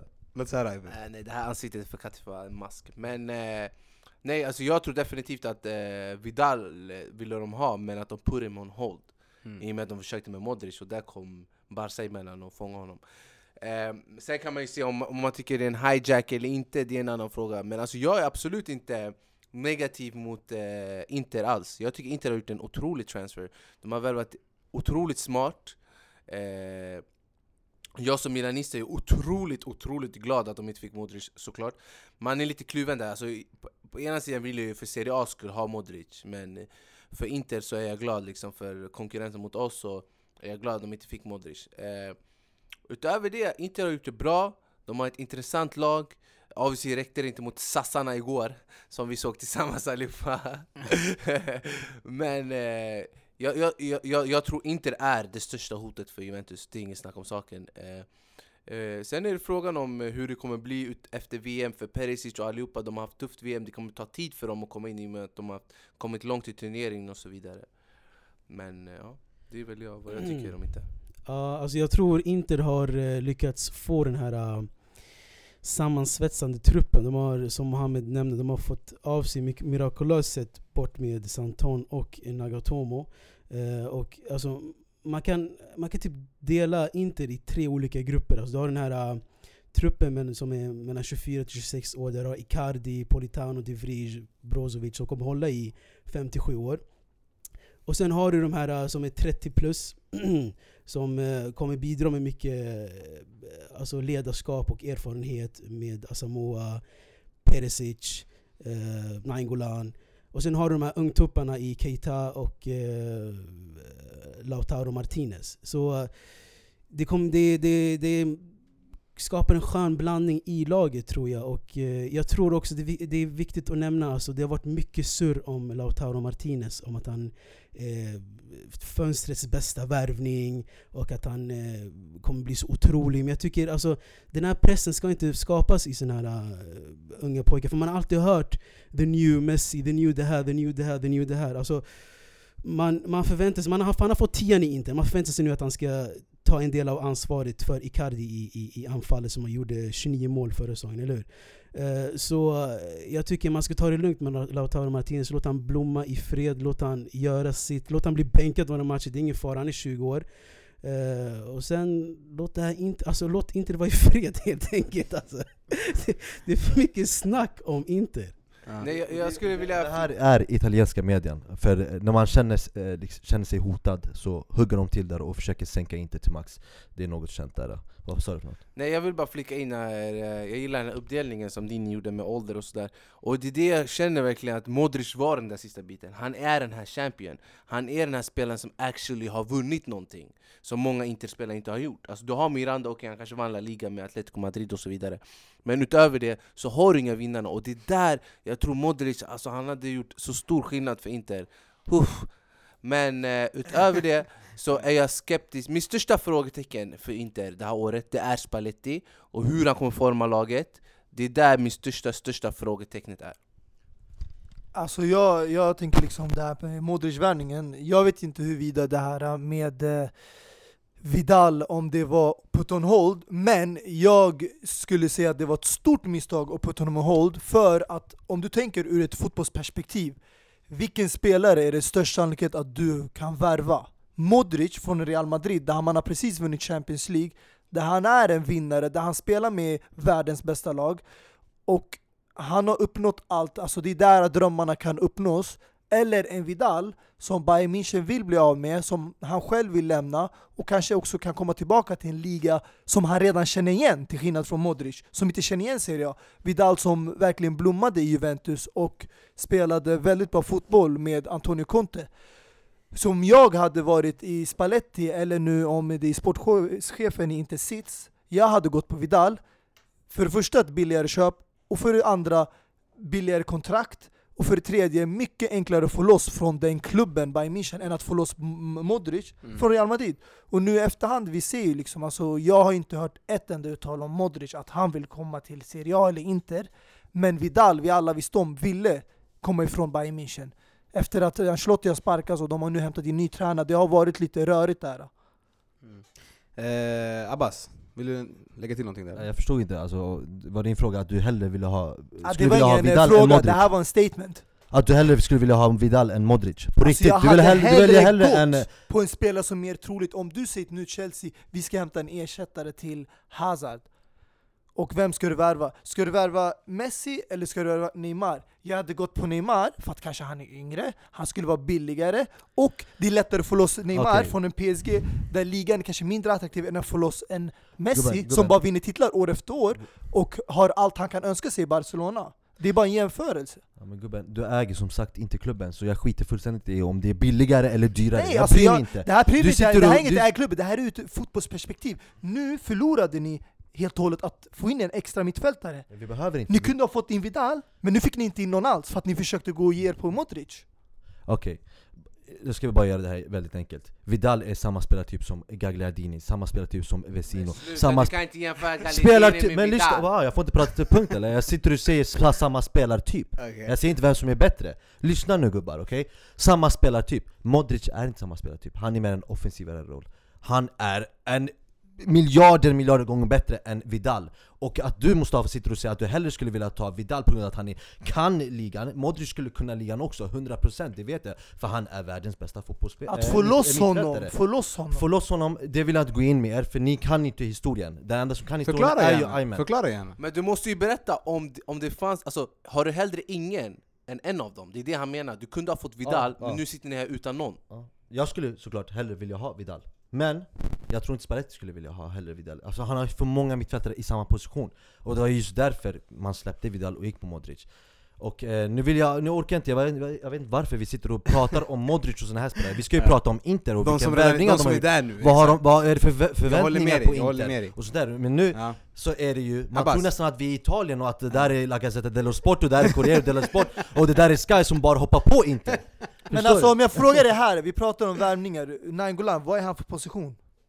Han är mittfältare som kan spela offensivt Han är offensiv mittfältare, Ja, som han har spelat i alla fall de senaste åren i Roma, eller hur? Ja, Så om ni skulle få in en Modric där, ja ska både han och eh, Modric spela, och sen ska vadå, eh, Brozovic stanna i utvecklingen och bara sitta i bänken? Brozovic med, tillsammans med Nainggolan och Modric Jaha, så Gagliardini som ni bara värvade för några år sedan eh, ska bara hamna på bänken? Exakt Vad är det där för dum jävla Och fråga? Borja Valero, som var så mycket snack om förra året, han Hamna i ska bara hamna i skuggan och alla de här ska vara ute. Såklart, vad är det för fråga? Vad menar du? Ja men det är det, jag tror inte det hade sett ut sådär. Jag har svårt att se det, att de skulle spela med eh, Du har en- Brozovic bara- i Gagliardinis position, och sen spelar man Modric Okej, och. Nainggolan som offensiva Ja, mittfältare. jag har bästa, jag har bästa och, och vad hände med, just det, Vecino?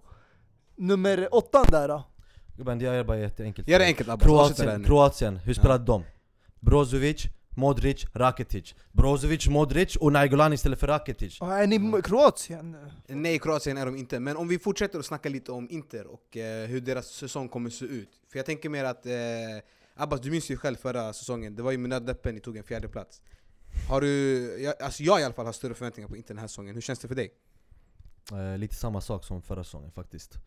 Eh, med nöd och näppe säger du, eh, absolut men eh, vi får inte glömma hur vi kom dit. Det var inte på grund av tabbar och sånt här, eller? Eh, det var ju på grund av vissa domarbeslut som jag kommer älta upp hela tiden. Vi såg ju det senast igår mot Sassarna som du brukar säga. Eh, där Sassuolo fick en straff som man kan argu- argumentera emot. Och där Inter inte fick en straff Mm. som ska vara straff. Och såna här matcher är ju jävligt viktiga om man ska kunna vinna ligan. Och just därför säger jag, när du säger nöd och näppe, ja vi gjorde det med nöd och näppe, ändå! Så kan du säga. Trots allt det här. Fast ni hade ju en period där innan, eh, på slutet där, där ni inte hade vunnit på ett par eh, veckor i alla fall. Eller hur? ja. eh, jag Så att jag menar med det kan, allt kan inte vara dumma beslut. Ni är alltid bra i början av första säsongen, sen... Ja. eh, Mm, det kommer inte bli den här säsongen. Jag Men tror vad har du för förväntningar den här säsongen? Förväntningar, jag tror den här första halva säsongen kommer bli jobbig Men jag tror att andra halva säsongen kommer bli mycket, mycket bättre Jag tänker så här, alltså många Interspelarna har, alltså de har ju varit ute i VM Mm. vi, bara, vi nämnde nyss Kroatien där man haft Brozovic och Perisic borta Tillsammans med nyförvärvet Versakio De här har inte kunnat träna med laget Mm. eh, Keita Balde var borta i, i Senegal liksom, och i VM och kom precis nu till eh, Inter då Flera andra spelare har liksom varit ute och, och de har inte tränat med laget eh, Nainggolan som eh, man har stora förhoppningar på Fick, kom, liksom tränade en vecka och nu är han skadad och kommer vara borta i två månader Alltså det, jag tror att det har gått en månad så det är en Mm. månad till typ Mm, mm. Så det är ju tråkigt, så vi börjar ju på Så noll du menar att det kommer inte vara en egentligen. lika start, stark start som förra Nej säsongen? alltså jag tror, eh, alltså startelvan, eh, matchen mot Lazio är ju bättre än den här som vi börjar med just nu Mm. Så enkelt är det. Eh, Så det kommer vara en tuff eh, första halva Alltså jag tror inte det största problem kommer ju vara att vara med i Champions League. För förra året hade de varken eh, Europa League eller Champions League. Nu har de Europaspel. Även om de har en bättre Champions trupp League. så har de också en ny turnering som, de har varit frånvarande ganska bra tag. Och eh, lag som Napoli, Roma, även om de har tappat en nyckelspelare, tränare, de har ändå den eh, erfarenheten och rutinen de senaste åren och har lyckats handska med både Europaspel och ligaspel. Så det kommer bli Inters stö alltså största utmaning den här säsongen. Eh, jag kan, måste ju säga emot där, för Inter har jag annars inte i Champions League har man spelat i Europa League Och eh, om man utgår efter vad du säger att det kommer vara jobbigt att spela, jag vet inte om det är matcher eller om det är utflykter Då är Europa League mycket, mycket, mycket värre än Champions League För du åker till, jag vet inte, andra sidan jorden för att spela en Jo match fast grejen, sam, sam, men samtidigt så matchar du inte kanske samma lag i Europa League som du gör i Exakt, Nej, enligt ja, ABBA så spelade de ju bara B-lag och C-lag i Europa League. Ja. Men nu i. Champions Men när, det League kommer, kommer de ju vara men när det A-lag. kommer till bra lag så tror jag absolut inte det Då är jag vä väldigt, alltså mina förhoppningar är väldigt stora när det kommer att möta bra lag Ja. Det är de här mindre lagen som jag absolut inte gillar att möta Likt i Serie A också, Sassuolo som vi mötte igår Jag gillar inte små lag Inte det alltid, de, man måste hetta upp dem Men får jag fråga, vad är, vad är för förväntningarna bland Inter-fans när det gäller Champions League? Förväntar man sig att man tar sig ur en grupp? För ni är ändå i pott Mm. fyra, eller hur? mm, pott fyra och vi Så kom, att det, blir, det innebär att ni kommer få tuffa lag i gruppen? alltså, Det är en stor sannolikhet att man hamnar i dödens grupp och eh, beroende på vilka lag som är i dödens grupp då Så alltså, om du frågar mig, jag förväntar mig att, vi, att man går vidare ur, ur gruppspelet, du absolut förväntar dig det? Det gör jag Mm. För det här kommer jag ändå vara i, i närmare december va? Mm. Så spelarna kommer att ha kunnat komma igång och ja, det tror jag faktiskt. Det, jag tror det kommer vara jävligt svårt men Mm. jag tror man grejer det. Och eh, en viss eh, Lautaro som du hypade väldigt mycket förra, förra säsongen, innan, innan ni hade värvat honom, han var ju ganska... Innan vi värvade honom, jag kommer ihåg det och vi har Ja. spelat in det också i det här det, vi har samtalet. spelat in det, Så jag bara veta, vad är förväntningarna på honom? För Dini nämnde lite innan, men jag tänker mer ur Inters eh, perspektiv. Mina Men- förväntningar, alltså jag tycker att ingen ska ha några för, förväntningar alls. Ja. Alltså, inte jag heller. Men jag ser ju på spelare och jag kan ju se att det här absolut inte är en Gabigol. Det kan jag se direkt. Alltså kollar du på youtube så ser Gabigol mycket bättre ut än Lautaro Martinez. Så det här är en spelare, jag kan, därför alltså, utan, att överdriva, det, jag, jag tror att jag skulle kunna bli en fotbollsscout på riktigt alltså. Nej jag, jag skojar inte. Jag har verkligen öga för sånt där, jag kan ju se vilka som har det här det, rytmen i kroppen när Så de du menar det springer, här, ni har, ni har, anfallet. det är en världsstjärna ni har värvat alltså? Ja, är det det jag sa eller? Nej vad är det du menar då? Nej, Alltså, en vi ska- framtida skulle jag kunna säga, absolut, jag ser honom och vi fick se det i preseason, absolut, alla kan göra en bra eh, preseason Men så, sådana mål som han gjorde, hur han rör sig, speciellt mot bra spelare Och eh, det han gjorde i Argentina Det är inte målen jag ser, det är hur han rör sig på planen Mm. Och det är det jag tror, just därför tror jag att absolut han inte kommer floppa och han, han kommer ta över Icardi eller spela med honom och bli en aha, En Bobo Vieri, Ronaldo Jag tänk- partnership Jag tänkte innan vi hoppar in i eh, rivalstaden där, eh, Milan, eh, på tal, du nämnde ju Gabigol, på tal om Joao Mario. Han är ju fortfarande kvar, kvar i klubben, vad hände med honom? Han är kvar i klubben, kommer vara utfryst Och han eh, blir in, kommer inte säljas eller lämna? Eh, han kommer ju säljas tills vi har fått våra pengar, för vi inte har blivit väldigt så här, hårda när det kommer till sånt och inte säljer liksom, för, billigt, för en billig peng Så han kommer vara utfryst, likt ni gjorde med Darvlis men sen så skämde ni ut er och tog in han i Han startelvan fryste aldrig ut Davlis, han var ju med och fick, eh, det var Ja. bara att han var skadad men ja, en förlåt. eh, dålig jämförelse. Ja. Mm.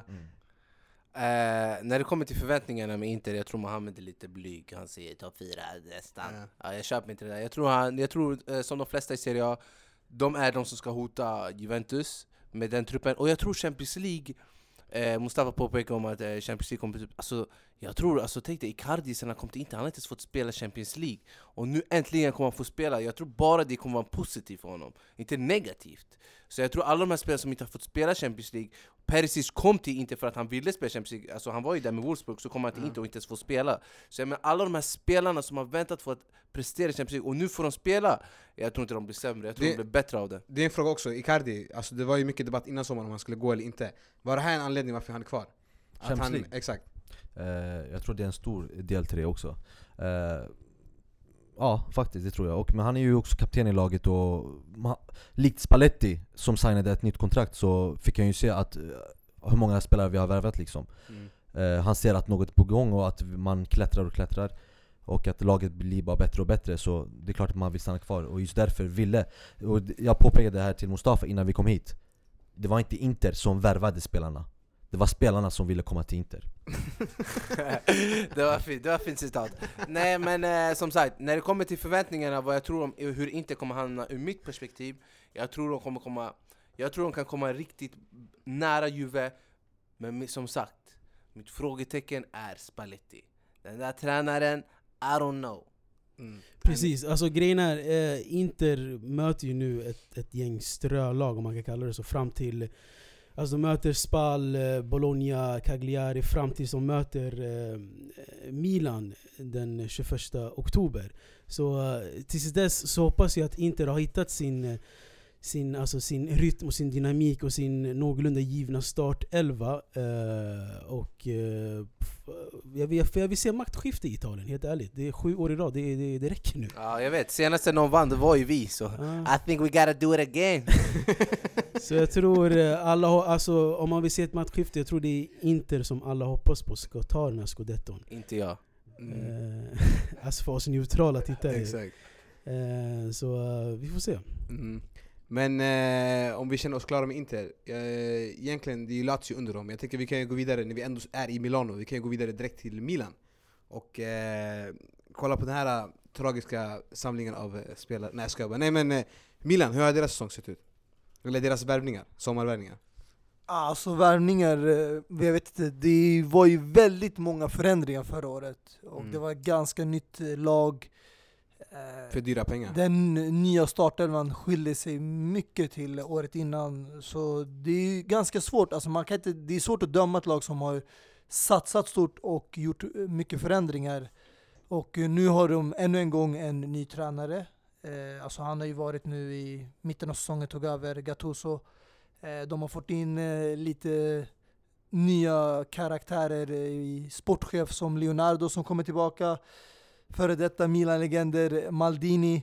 Så det här kanske kan vara någonting som uppmuntrar spelarna i omklädningsrummet, de har någonting att se fram emot och sen tycker jag att eh, ja, det som saknades kanske var en spets. Eh, innan förra året när de värvade André Silva så kanske det var, det var ju Carlos Bacca som var deras spets innan han gick på lån och nu har han blivit såld. Men nu har de ju fått in Higuain som tar eh, André Silvas plats och Kalinic har ju också lämnat. Så det här kanske kan vara den stora förändringen för Mina, att de har någonting som de kan förlita sig på där uppe. Någon som kan producera ett 20 plus mål varje säsong. Ja. Alltså Mustafa sa att de gjorde en bättre Mercato än om man ser från förra året. Men alltså jag tycker helt ärligt, det Jag håller inte med alls. alltså jag tycker de, eh, de fortsätter i samma fotspår. Att de har satsat mer på kvantitet än kvalitet. Nej. Fine, alltså Nej jag säger att de har satsat mer fortfarande på kvantitet. De har Jag håller inte några- med. Alltså du menar att de har hämtat mer värvningar? Alltså jag Alltså, skulle säga, fine. alltså, de, Alltså, de, de, de har hämtat in, alltså, jag Alltså tycker grejen, det Leonardo, Leonardo fine, han, Alltså- han har gjort den bästa swapen sen alltså Francesco Coco mot Cedorf när han bytte dem varandra mot Inter och Milan. Men eh, alltså Iguain fine, det är en bra swap. Ja men, Men äh, jag, prata så ska jag absolut alltså prata. jag tror absolut inte att de har att de, eh, alltså den här truppen, för Milan, alltså Milan, när man, när man snackar om Milan snackar man alltid att de ska utmana ligatiteln. Det spelar ingen roll Mm. om vi, om vi har en trupp med Nesta och Cedorf och Gattuso eller om vi har en trupp med eh, eh, vad har vi nu? Ett, ja, Calhanoglu och... Eh, Mm. Ja, exakt. Så eh, jag vet inte, jag, jag ser inte Milan i, i, i, i toppen på, Alltså, på du måste Så många jag, jag, tycker ändå, jag tycker de har, de har hämtat in många spelare Alltså, måste Vem, vilka, jag, vilka spelare jag snackar tycker du de har om? hämtat in spelare som har erf- många som har erfarenhet Exempelvis som eh, Pepe Reina, en eh, alltså Higuain som är ändå väldigt bra anfallare, en Borini som också är en liksom, Fabio Borini från Sunderland. Ja, Okej. han, jag tycker han är, han är alltså, jag tycker ändå han är en bra anfallare som eh, Alltså han har erfarenhet i alla fall, han kanske inte är den bästa anfallaren, ni lånade han förra säsongen och nu har ni köpt han. Så det är ju bra Alltså Men kolla, sen det, tänker jag en Bakayoko som har kommit in också från eh, Fast- Chelsea på lån men kolla, du, det är det här kommer Men alltså, till att, okej. Okej, det är innan vänta, låt mig avsluta min poäng. Får jag avsluta min poäng? Får jag avsluta min poäng? jag, jag har inte sagt att det här är titelvinnande lag Men du sa att det här är en det, det är ett bra Det är fönster. okej värvningar, det är inte titel... Alltså, Okej, så vi gick från bra till okej, men skitsamma. Det är, inte, men alltså, det är det här vi kommer till, att man, marker, att man stryker under namn som Bakayoko och Fabio Borini. Där Bakayoko var en flopp i Chelsea, där Fabio Borini kommer från Sunderland. Ursäkta men nu Vänta, innan, vi vänta, går två in, innan du går in och säger flopp, spelare som inte har spelat i en annan liga, som till exempel du har Musacho, du har Ricardo Rodriguez, du har eh, Calhanoglu, alla de här spelarna. Det är spelare som måste lära känna, det är jättemånga spelare, jag kan Men nämna, det- det- nej innan du avbryter mig, jag kan nämna spelare som Neymar. Europas största talang när han kom till Barcelona, hade en jobbig säsong första året i La Liga Alla kan ha ett jobbigt år första året i ett nytt land, ny kultur I alla fall en ny liga. Ja, jag vill jag försöker fastna, säga jag fastna i jag försöker säga och att- Chelsea. nu har de kommit i en fas där de är en tränare de gillar, som de spelade och avslutade säsongen bra med. De har lärt känna igen ligan och sen har de lagt till spelare som redan känner igen ligan, som Higuain som gjort det bra i Napoli Juventus. Exakt, och det det och menar det här för mig absolut. är en självklart förstärkning. Exakt! Du har en spelare som Bonucci som ville gå tillbaka till Juventus. I mina ögon, från ett fotbollsperspektiv, det är en bra lösning om du släpper en spelare som inte vill vara kvar och vill gå tillbaka till sin gammalklubb och i utbyte kan få en anfallare, en målgörare som är i en ålder där han ska pumpa i mål. Det är ingenting som du, Absolut. André Silva förväntar dig att han ska sitta och Okej. fortfarande Givetvis. Jag, jag vill bara utvecklas. avsluta mitt segment innan de här hungriga vargarna tar över. Eh, Samt, grejen är, det, jag, jag menar, det är det här det kommer till. Att man, att man understryker namn som Borini och Bakayoko och att nyckelspelare har varit eh, Suso och Benaventuro. Förstår du vad jag menar? Så eh, för mig kommer det ta många, många år tills vi får se Milan i, i den absolut högsta toppen. Mm.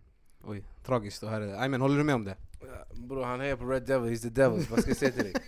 Men alltså grejen för mig, jag tror den största skillnaden mellan eh, den gångna transfern, då, som alla pratar om, de här två miljarder som vi spenderade Som jag tycker vi spenderade bra, men eh, du får välja, antingen spenderar du en, eh, två miljarder på två spelare Eller så får du värva en hel ny trupp, det är så du måste göra eh, Men jag tror den största skillnaden som sagt är Leonardo och Maldini som kommer in istället för Mirabelli och Fasone Som vad, i vilka roller kan du förklara? Alltså sportchefer då, då. ja.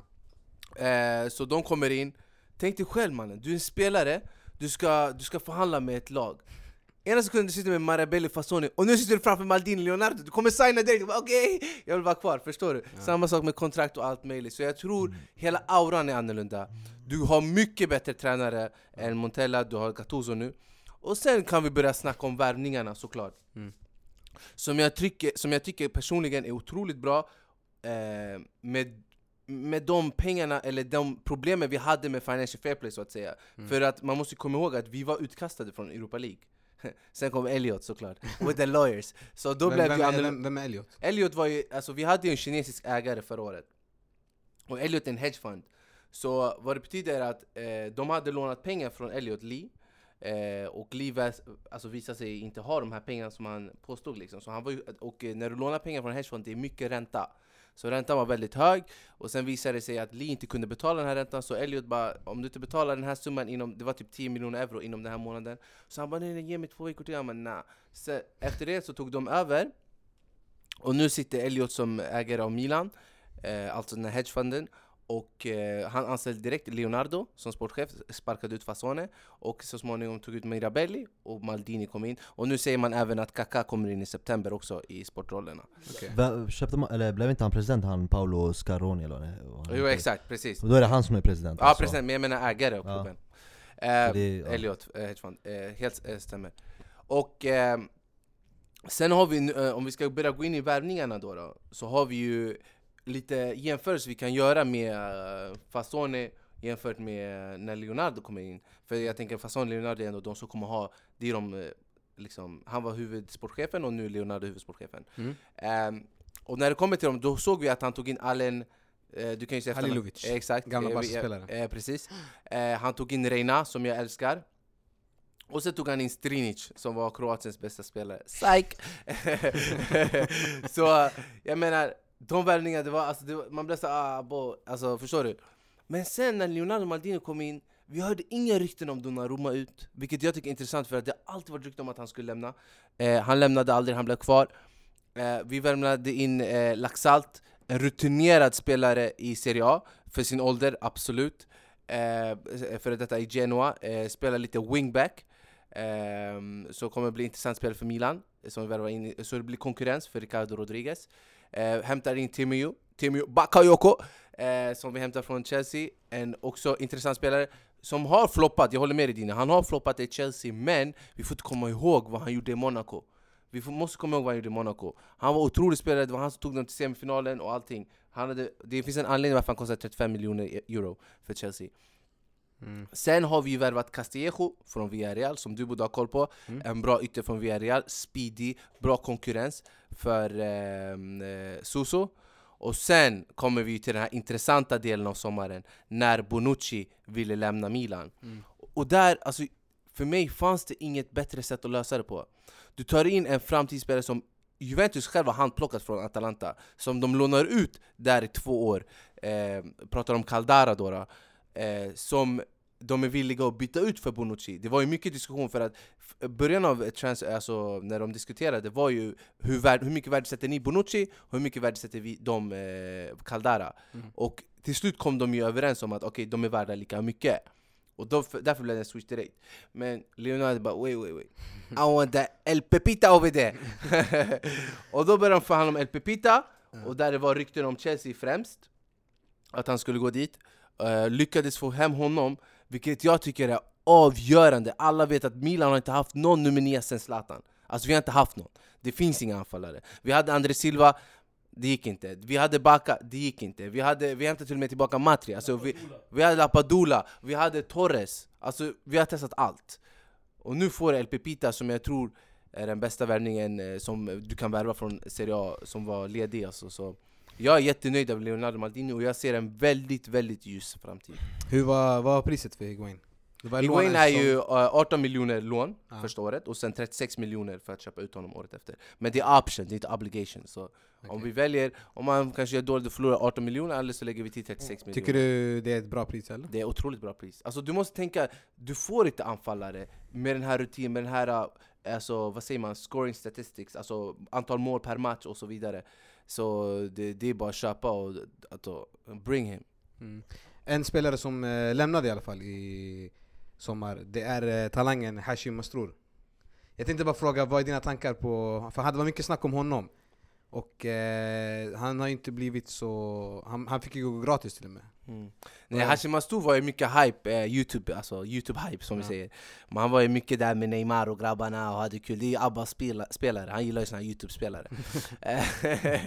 Men eh, det var aldrig någonting, Vilket, men däremot en talang som faktiskt fick lämna som eh, gör ont för mig är ju Locatelli. Eh, En bra talang, Eh, bara 95 jag tycker man skulle ha gett honom mer tid men han gick ju till Sassarna nu, Sassuolo, för 14 miljoner vilket, eh, det var ju för att kunna inkassera då lite pengar Så uh, det var tråkigt, en bra talang Abbas, vad är dina tankar på Higuain-värvningen? Alltså jag är bara Milan allmänt. Alltså jag, lä- nu hör jag er här och jag läser eh, både tidningar och lyssnar på andra poddar och allt möjligt liksom. Alla höjer verkligen Milan till skyarna och jag personligen förstår faktiskt Alltså jag förstår inte varför man gör det. Helt ärligt. Antingen är det jag som är dum eller så är det de som är det liksom. För det jag ser i Milan, det är så mycket fel och en gnutta, gnutta, gnutta rätt. Och det är Higuain bara. Mm. Annars är allt bara fel. Jag ser nu en Ayman som sitter här i studion och pratar väldigt väl om Leonardo. Mm. Eh, vi har en, en liksom hel kurva sot som gick ut och sa Vi vill inte ha Leonardo. Mm. Vi vill inte ha honom. Snälla kom inte hit. Jag hoppas inte han kommer. Hörru, vi, alltså, de går emot deras presidenter och eh, Elliot Hedge Fund och allt det här. De går emot alla. Ändå så spottar då presidenten i Milan fansen i ansiktet. Och jag förstår inte hur Milan-fansen kan bara svälja det där och svälja sin stolthet och bara nu ser vi Aymen här som är den största Milan-hataren, Leonardo-hataren och det vet vi alla här. Han hatar Leonardo och ändå sitter han här och pratar så mycket väl om honom. Det, det är det jag menar, Milan-fansen har verkligen svalt sin stolthet Eller spottat sig själva i ansiktet. För det är verkligen riks, riks knas. Eh, Värvningar som de gör, alltså Higuain, absolut en väldigt, väldigt bra anfallare jag är det, och jag kan säga redan nu att jag tror att han kommer passa perfekt in i Milan och att han kommer vinna skytteligan i Milano. För han är den som spelarna kommer liksom, det är han som ska avgöra för Milan. Och just därför kommer han vara riktigt, riktigt bra. Däremot, alla andra spelarna ser, alltså Du hämtar en oprövad ytter som är hypad i Villarreal, i Castillejo. Visst, han kanske blommar, eller inte. Man kan inte vara glad över honom. Eh, Ni hämtar en Strinic som, ja jag fattar ingenting om honom och just nu läser jag att han är borta i fyra månader. En, eh, uh, vet han, Alen Halilovic som är en riktigt stor talang som aldrig ens blommade ut i La Liga och ska blomma ut i Serie A. Alltså vilka, spelarna, vilka spelare finns det där? Det finns ju inga spelare. Och sen har man, det värsta är, det är så mycket knas i den här klubben. Bonucci går från, alltså mellan båda de här smutsklubbarna egentligen, Juventus och Milan Att en Juventus-ikon eh, går till Milan och bär kaptensbilden och är så Alltså deras riktiga liksom, fanbärare och är ja, deras bästa spelare i Milan. I en har säsong. kap- I en säsong, har kaptensbilden och allting. Möter till och med Juventus och firar mot dem.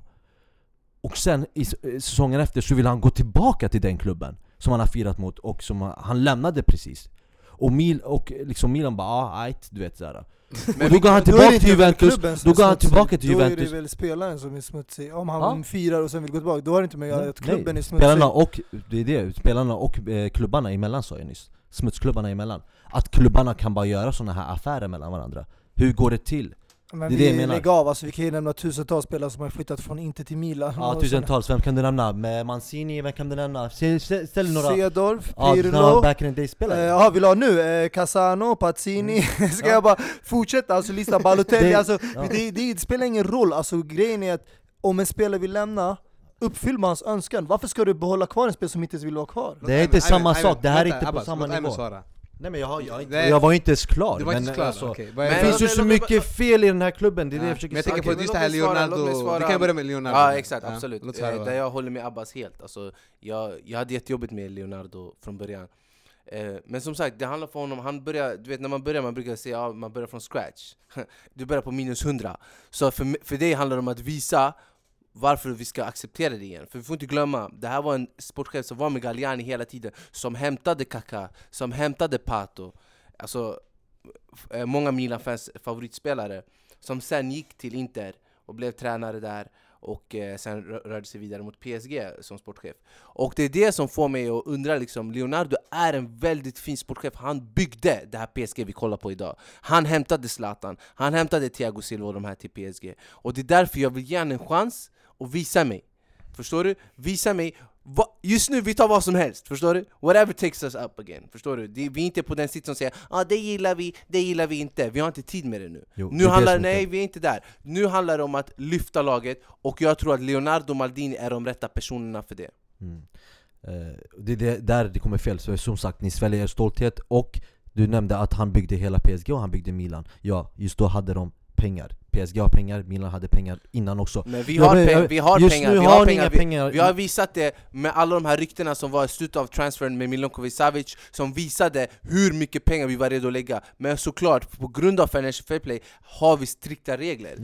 Men att säga att en hedgefond inte har para, Jag skiter kom igen. Du sa ju nyss, du nämnde nyss Milinkovic. Savic Leonardo gick ut och sa själv att han inte kan värva såna här Ja. spelare just på grund av att de inte har pengar. Nej, på grund av Financial Fair Play! Ja, det är ju med andra ord pengar helt helt enkelt. Nej, det är annat, du har regler som måste Alla följa klubbar Det- har pengar, men du kan inte göra det på grund av financial fair play, då menar jag just, du Nej jag tror, vad inte, jag jag menar tror inte alla klubbar har pengar, jag tror, jag tror till exempel en tränare eller äh, ägare som De Laurentiis inte vill lägga pengar Okej, Jag tror inte han har grabbar, financial jag, jag, ska, jag ska prata till punkt okej, helt men enkelt vi har spelat in nästan en och en halv timme här så Ja vi men måste jag vill bara försöka få ut det börja runda säga, av. men jag tappar bort mig nu på grund av att ni hela tiden Ja. Du förstör tappar för bort mig. dig som Inters nu- ledning mannen! Det är det jag försöker komma fram till är att Ja. du måste ha en stolthet, någon typ av stolthet måste du Ja. Som en klubb, som, som en stor klubb som Milan. Okej, Att du hämtar tillbaks de här och att du värvar tillbaks de här eh, Bonucci. Att Bonucci går och är kapten, liksom kapten. Och det jag måste svara på Mustafa också för Visst, klubbar emellan kan göra värvningar. Liksom du sa Casano, Pazzini, vilka fler som är Men det här är inga som kommer och spelar en säsong och är kapten och en av deras bästa spelare och sen går tillbaka.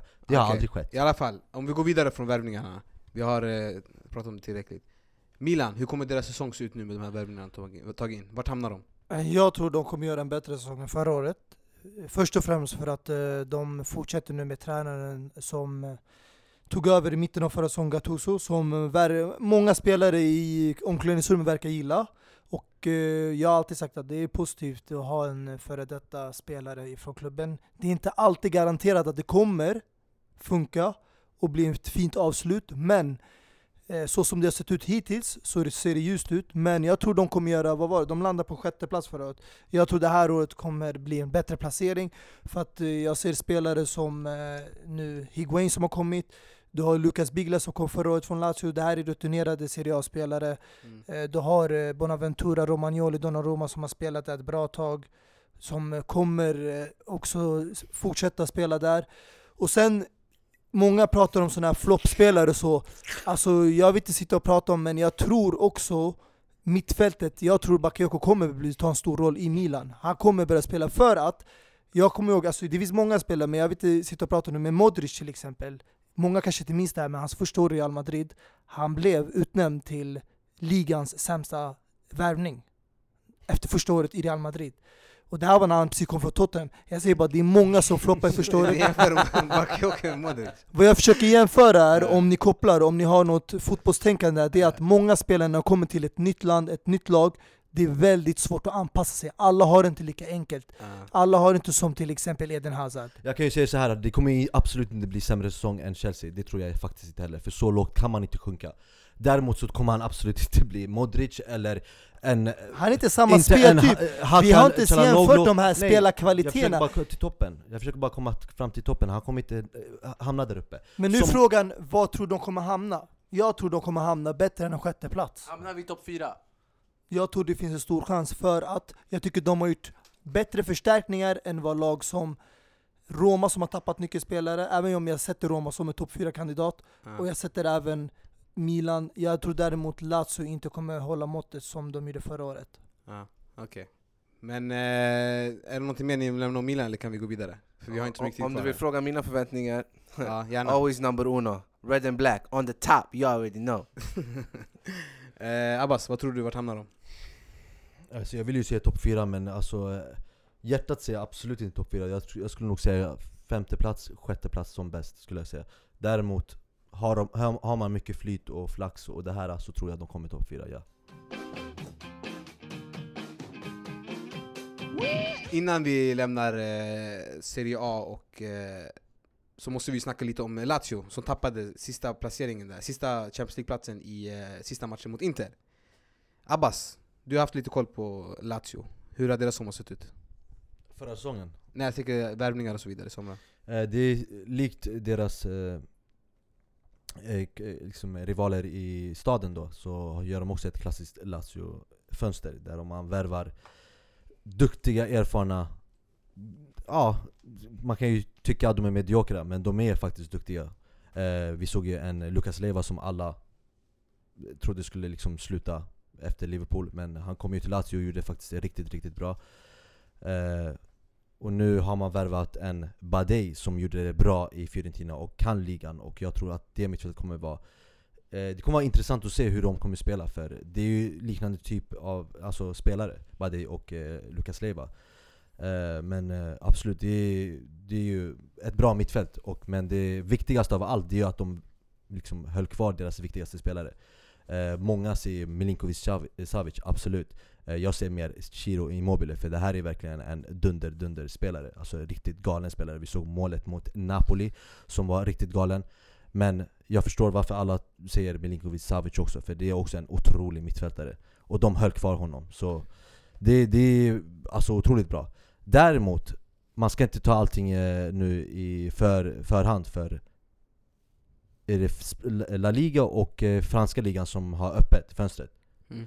så man vet aldrig, han kan mycket väl hamna i Real eller i Barcelona så. Men hittills så känns det som att han kommer vara kvar Ja, alltså jag, jag håller med med att eh, de har behållit sina viktigaste spelare. Eh, de har ju de tre viktigaste sp- spelarna. Det är Ciro Immobile, S- eh, Milinkovic Savic och eh, Simone Inzaghi. Eh, ja, Simone Inzaghi. De är ju de bästa eh, och de viktigaste för Lazio. Sen sålde de ju Philip Anderson till West Ham för en bra summa som var ojämn, eh, som jag tycker kunde gå. Men eh, utöver det, jag tycker de är ett bra transfer, de behåller sina viktiga spelare, få gratisspelare, Korea och eh, Badeli. Uh, utöver det, liksom, de kommer, de kommer vara där och de får ett år, ett år till tillsammans. De förlorar ju De Vrij Mm. till Inter och hämtar Acerbi från Sassuolo. Det är ju ett...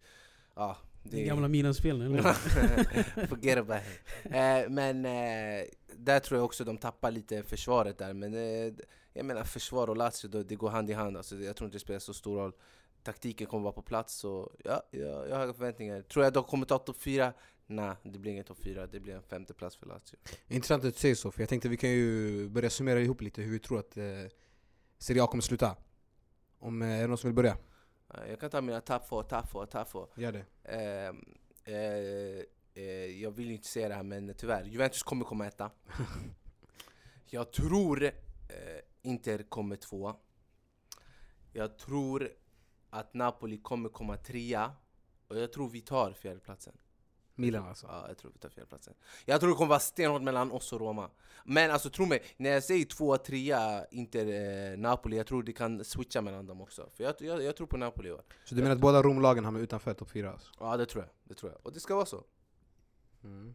Musse?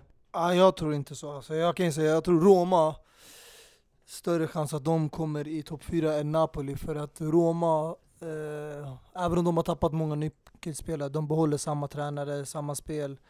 Och eh, jag tycker de har ändå hämtat in helt okej ersättare. Eh, det är svårt att avgöra för att många lagen har ju förstärkt. Jag tror Lazio kommer hamna utanför. Eh, Juventus kommer självklart toppa den här ligan. Däremot de andra tre platserna, det är svårt. Jag tror det blir mellan eh, Milan, Inter, Napoli och Roma. Eh, så en av dem kommer lämnas utanför. Mm. Alltså, eh, jag vill tro på ett maktskifte men jag tror inte Inter eller Roma, som jag tror kommer vara alltså Scudetto-utmanarna, kommer, alltså har alltså, bollarna till det. Så jag tror Juventus, två Roma, in, trea Inter och eh, jag tror på Milan, fyra. Jag tror det. Och Så jag du vill tror det. Alltså, Napoli jag gillar, med alltså, Ancelotti hamnar utanför? jag tror det, ja. You smart, men matter of fact, you're loyal. Abbas? Vad tror du Abbas? Eh, Jag skulle nog säga, jag håller med. Eh, Det är det ni säger faktiskt. Däremot så tror jag faktiskt att Napoli är duktiga och kan vara det en längre period. De visade det förra säsongen och de har behållit alla spelarna. Eh, Jag skulle nog byta plats mellan dem och eh, Roma då, skulle jag nog säga. Eller Milan. Eh, så ja, jag kommer inte lägga liksom vem som kommer bli etta och tvåa det här, men jag vet att eh, Juventus kommer vinna ligan. Det tror jag, 100%. Eh, sen vet jag att, eller tror jag, att eh, Napoli, Inter och Milan hamnar topp fyra. Alltså de kommer, de kommer hamna där i topp fyra. Mm. Det är vad jag tror. Okej. Eh, jag tror ju också att Juventus eh, troligen blir etta. Sen skulle jag vilja säga att eh, jag tror att faktiskt att Roma blir tvåa. Och jag tror att eh, inte kan bli trea där. Och sen tror jag faktiskt på ett Lazio på fjärdeplatsen. Milan utanför. Men det blir svårt, Milan kan lika gärna ta en fjärde plats. Jag tänker på Higuain, han kan avgöra väldigt mycket. Så att eh, det blir inte hugget i sten. Men eh, i alla fall, det var ju allt från oss idag och vi har gått igenom Serie A någorlunda. Men eh, det är mycket mer vi ville säga, men tiden har ju sprungit iväg här idag, kommit upp till en och en halv timme. Pastore, vill du säga någonting Ja, tack för att man fick vara här. Se till att det här blir det mest lyssnade poddavsnittet ever. Sprid det här till alla, you dig? Gedig! Och eh, vi tackar som sagt Ayman att han kom hit och eh, vi är tillbaka nästa, nästa avsnitt med eh, summering av eh, helgen och så vidare. Precis, våra uppsnackningsavsnitt har ju, är ju slut nu, vårt av tre delar. Även om en omgång av Serie A spelas nu, vad gör det? Serie A är fortfarande lika intressant. Eh, men vi är tillbaka med gamla samlarrutinerna, att vi snackar om helgens matcher och ett ämne då och då. Så med det sagt så avslutar vi dagens avsnitt, eller hur? Yes, det gör vi. Tack för oss idag och vi ser fram emot säsongen och eh, det kommer bli väldigt intressanta matcher och dueller mellan Milan och Inter i alla fall. Forza Inter, ha det bra! Peace! Vi gör horus med den, checkar movesen Har den i blodet sen det blir bor igen Så normal, vi fortsätter dansa Barn börjar dansa innan första vokalen yeah. Innan go-go gaga och vi fortsätter tills Aina tar över haket yeah. Tills kissarna gör razzia Svart klubb, det är massa rök i lokalen yeah. Fine grades alla Alla dricker som Valhalla, mjöd i glasen yeah. Plus rom och vodka uh. Trumman är farligt galet Kombinationer av toner som gör det magiskt Inte misslyckat uppdrag men vi rör oss tillbaka Sen labba babba karnevalen tar över